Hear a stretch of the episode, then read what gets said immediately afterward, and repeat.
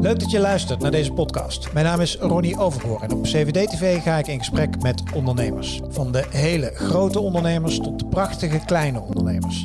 En van de al best wel oude tot de piepjonge. Want in elke ondernemer zit een mooi verhaal. Welkom bij CVD-TV. Van harte welkom op het allerleukste YouTube- en podcastkanaal voor ondernemers, 7D-TV. En leuk dat je kijkt of luistert. Um, mijn gast is actief in de wereld van startups, venture capital en tech. Uh, en vooral ook voorvechter van meer diversiteit in die wereld. Uh, en ze is mijn gast, investeerder en onderzoeker Eva de Mol. Welkom bij 7D-TV. Eva, van harte welkom. Dankjewel. Um, ik begin even met drie korte vraagjes vooraf, zo dilemmaatjes even opstarten. Oh, okay. Heb ik verzonnen. Ja, dat is altijd, altijd, altijd grappig. Uh, investeren of onderzoeken? Investeren. Uh, wat heeft meer invloed op succes bij een start-up? Het idee of het team? Team. Oh, dat is ook geen twijfel. Nee. Uh, als ik nu 100 miljoen moest investeren in een bedrijf, wat voor, wat voor bedrijf zou je dan kiezen? Het was toch een dilemma? Jij kwam toch met twee... Nee, er was twee dilemma's en één open vraag. Je hebt 100 miljoen.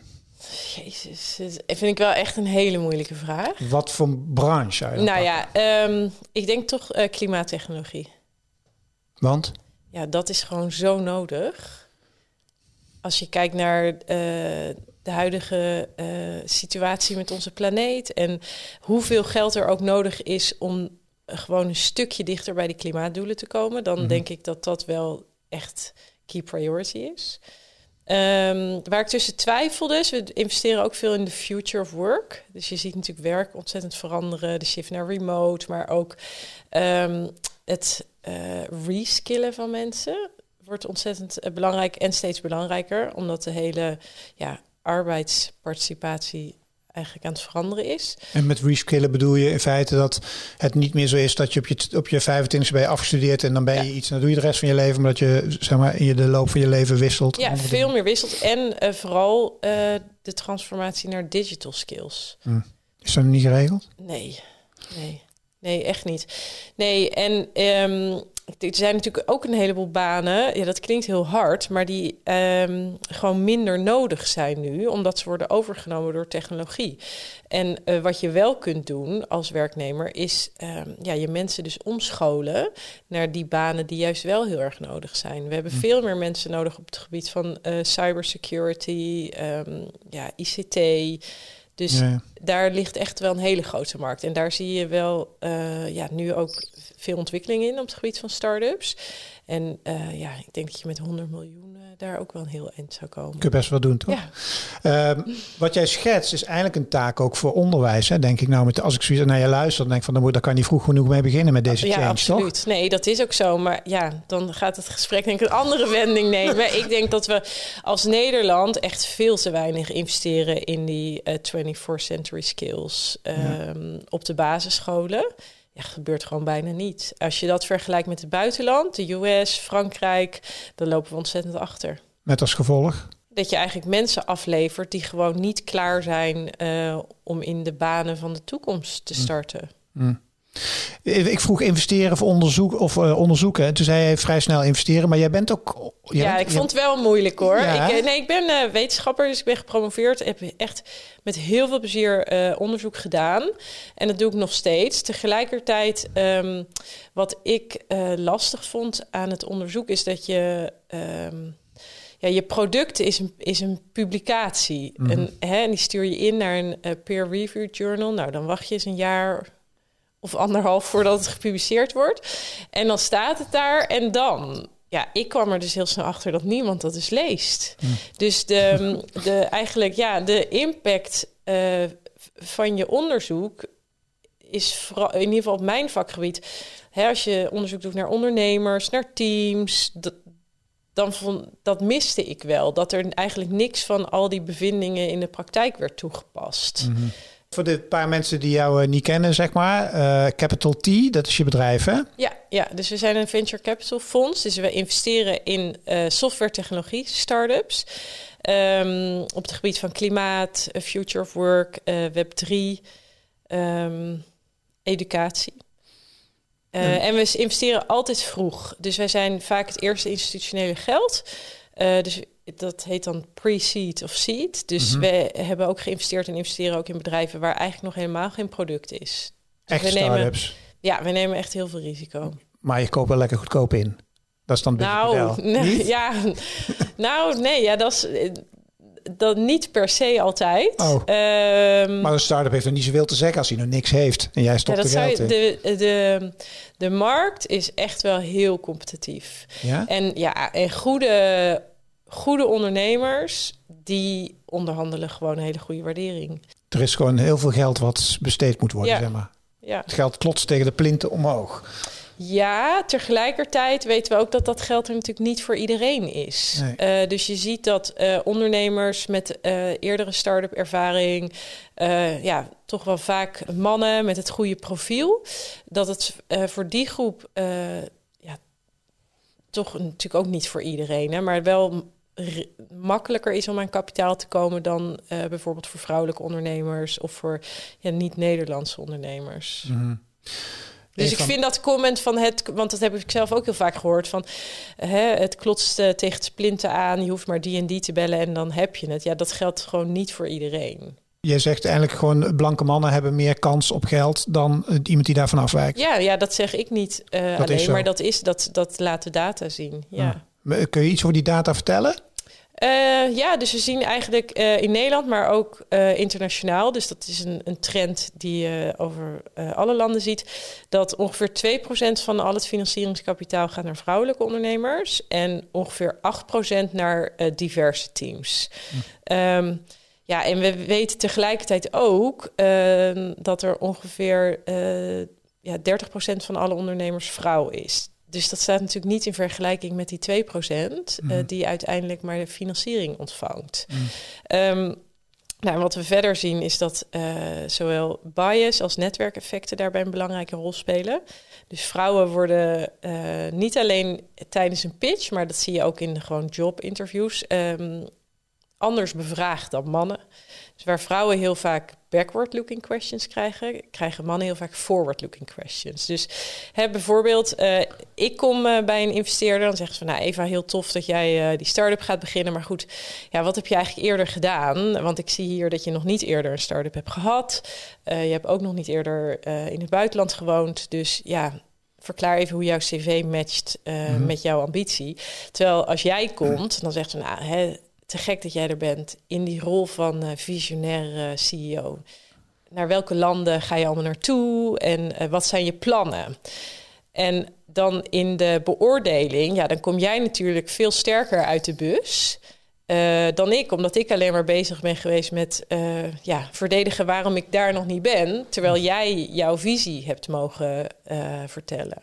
Beetje dom, hè? Want die, je wil even refererend aan je rol als, onders, ons, als vanuit je onderzoeken, is dat een team eh, een bepaalde Ja. samenstelling moet hebben. Wil het, nou ja, niet wil het succesvol zijn, maar laat ik zeggen, bepaalde teams hebben meer succes dan Ja. andere.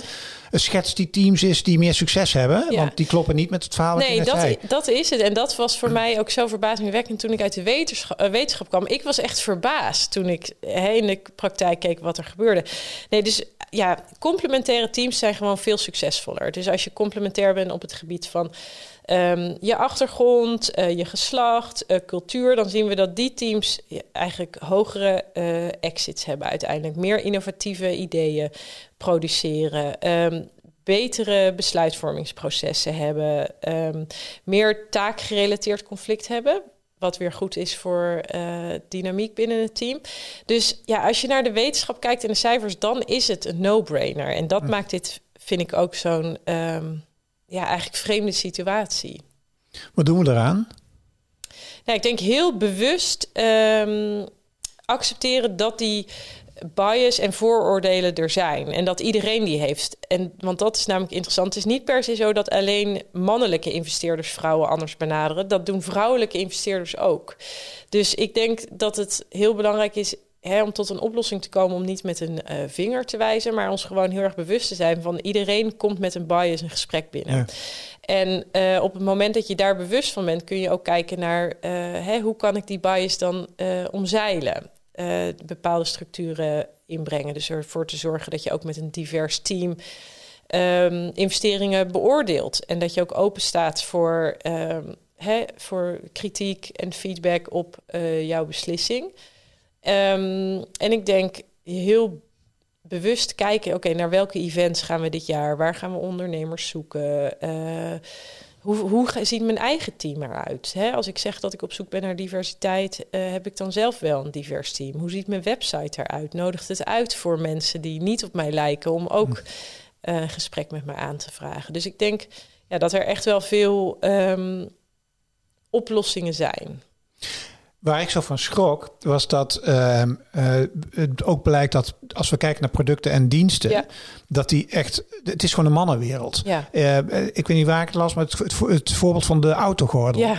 Ja, bizar hè? Je gelooft het gewoon niet. Nee, dus die autogordels en het design van een auto wordt heel vaak ontworpen door ja, mannelijke productteams. Um, en het resultaat daarvan is dat die autogordel, als je een ongeluk krijgt, dat het ja, dat die mannen dus beter beschermd dan vrouwen. Ik is gewoon niet goed op de vrouwen gelet. Die hebben gewoon... Nee, maar er zat gewoon geen vrouwen in het team om dat te testen.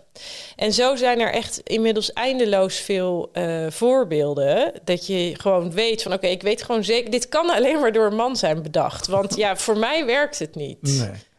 Uh, dit, dit, is een discussie die al heel wat jaar ja. uh, woedt. Ja.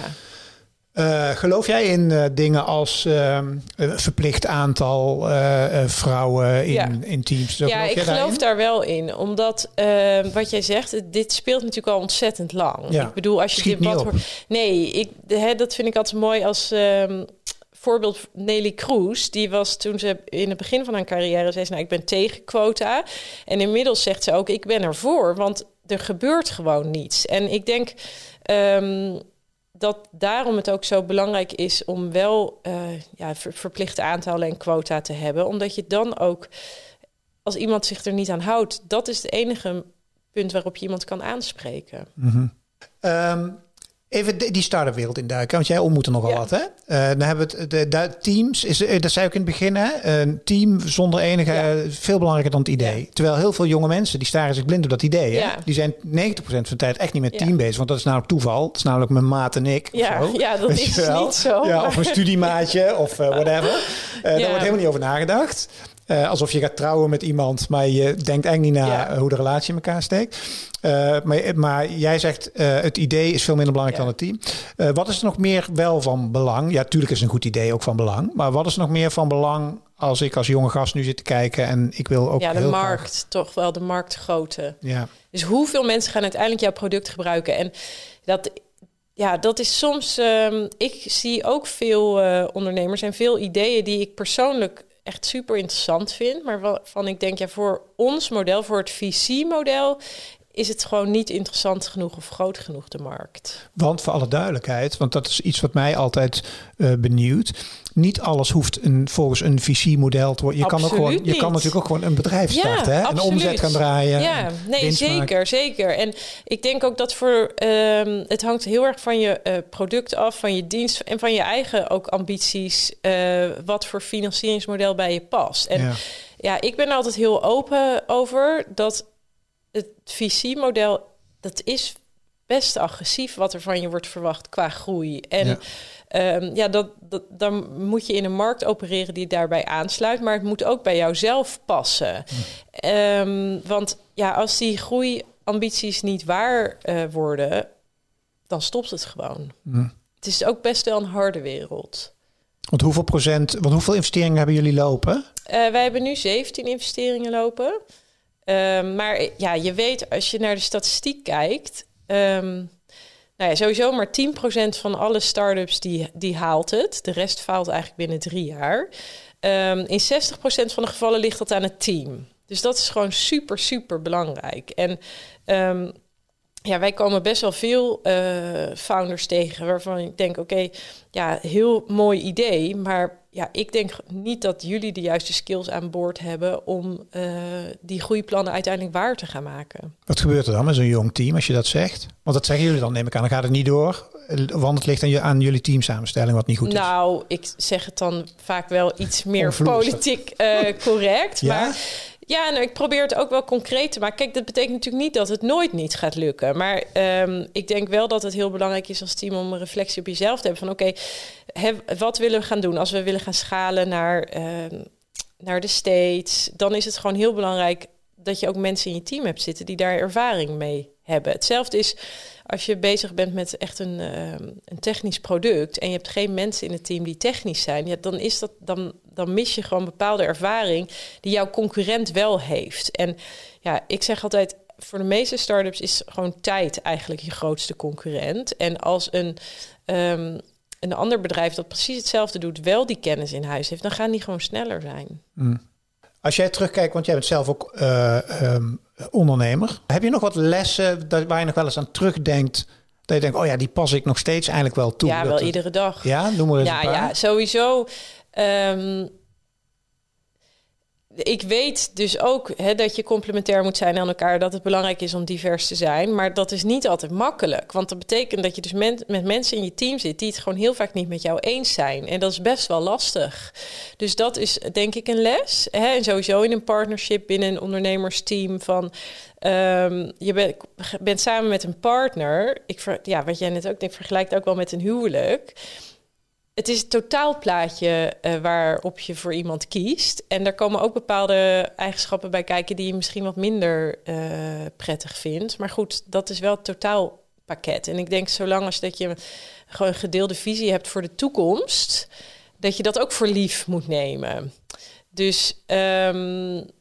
Is dat een complexer, hoe moet ik het nou zeggen? Uh, een, een, wat complexere dynamiek als je met diversere teams werkt. Misschien als dat je met alleen maar een stel ja. gelijksgezinden zit. Zeker. Maar daardoor wel waardevoller als dat lukt. Ja. Ja, en dat is ook altijd, hè, als mensen mij zeggen, vragen van ook, het, het, het, is één, één ding om, om iemand in de, bij je groep te nemen die niet op jou lijkt. Maar het echte werken begint natuurlijk pas van, oké, hoe zorgen we dan ook dat die persoon zich ook goed voelt in de groep? En dat je ook daadwerkelijk het mm. voordeel krijgt van een divers team. Alleen maar een vrouw aannemen om van oké, wat zijn we, wat zijn we nu divers? Ja, dat werkt niet. Ehm, dus dat is denk ik eerste les diversiteit. Uh, het is ook gewoon hard werken, maar dat is niet erg. Hm. Dat hoort, ja, dat hoort er gewoon. Ehm, Nog meer lessen uit uh, je verleden als uh, hardbikkelende ondernemer. Niet dat je nu meer hardbikkelt hoor, maar Nee, ja, ik denk, nou ja, dat uh, succes is echt 1% vaak wat je ziet. Ook als je om je heen kijkt naar andere ondernemers, investeerders. Ja, ik denk dan altijd van, ik doe echt iets fout. Want iedereen, ja, die heeft het zo goed voor elkaar. Terwijl als je gaat, uh, hè, gaat if you peel the onion, iedereen is gewoon snoeihard aan het werk. En ik denk dat dat wel een... Um, dat zeg ik ook altijd tegen mensen die bij ons willen komen werken. Van het lijkt heel glamorous uh, visie, maar dat is het echt niet. Het is echt Ehm, tenminste, ja, niet uh, voor mij. Het is gewoon ook heel hard werken, heel veel computerwerk, heel veel rapportage. Mhm. Dus ik denk ook, ja, in een, dus een les, denk ik, voor mij is uh, in een baan is gewoon nooit alles leuk. Uh, maar ja, er zijn natuurlijk zoveel highs dat je daar ook gewoon mm. door moet. En nou ja, derde, dat het gewoon samen ondernemen wel echt leuker is dan alleen om dus uh, ja, de highs en de lows ook uh, samen te delen. Ja. ja. En daarmee iets op te bouwen. Ja. En ik denk toch ook uh, ja, humor, het ook allemaal niet te serieus nemen. Mm. Tot slot, zonder nou de rest er niet te doen. wat zijn op dit moment investeringen waar je wel heel enthousiast over bent? Of waar je denkt van nou, dit staat wel symbool voor een bedrijf waar wij nu in investeren. Ja, ja nee, dus we hebben een van mijn eerste investeringen was in uh, Test Gorilla. Dus dat is een Future of Work uh, bedrijf. En zij maken eigenlijk uh, de cv overbodig. Dus zij um, zoomen heel erg in op cv-discriminatie. Um, en ze hebben een platform ontwikkeld met allemaal um, ja, testen... waarbij job applicants. Uh, dus geen cv meer hoeven in te sturen, maar naar dat platform gaan. Ze krijgen dan een aantal testen gebaseerd op potentie. Dus niet zozeer hè, wat, dat voorbeeld wat ik noemde van backward looking. Wat heeft Eva nou gedaan? Maar veel meer wat kan Eva in de toekomst gaan doen en is ze geschikt voor deze baan? Um, en zij um, zijn echt, echt heel erg hard aan het groeien. En uh, ja, wij hebben geïnvesteerd toen er nog helemaal niets was, alleen een plan. Ehm, en nu zie je natuurlijk dat het heel erg uh, van deze tijd ja, is. Er zijn er meer, hè, die soortgelijke uh, dingen. Tenminste, e-culture ontmoet ik binnenkort ja. weer voor de tweede keer hier in de bank. Ja. Uh, de zusjes Melkert, die, die is ook volgens mij ja, een soort Ja, ja ongeveer tegelijkertijd. Dat is er één. En een um, bedrijf uit Berlijn, zij, dat is een climate tech bedrijf. Um, en zij uh, kijken echt naar carbon uh, reduction. Dus zij zitten aan de kant van e-commerce bedrijven, ja. zoals Zalando, Vinted.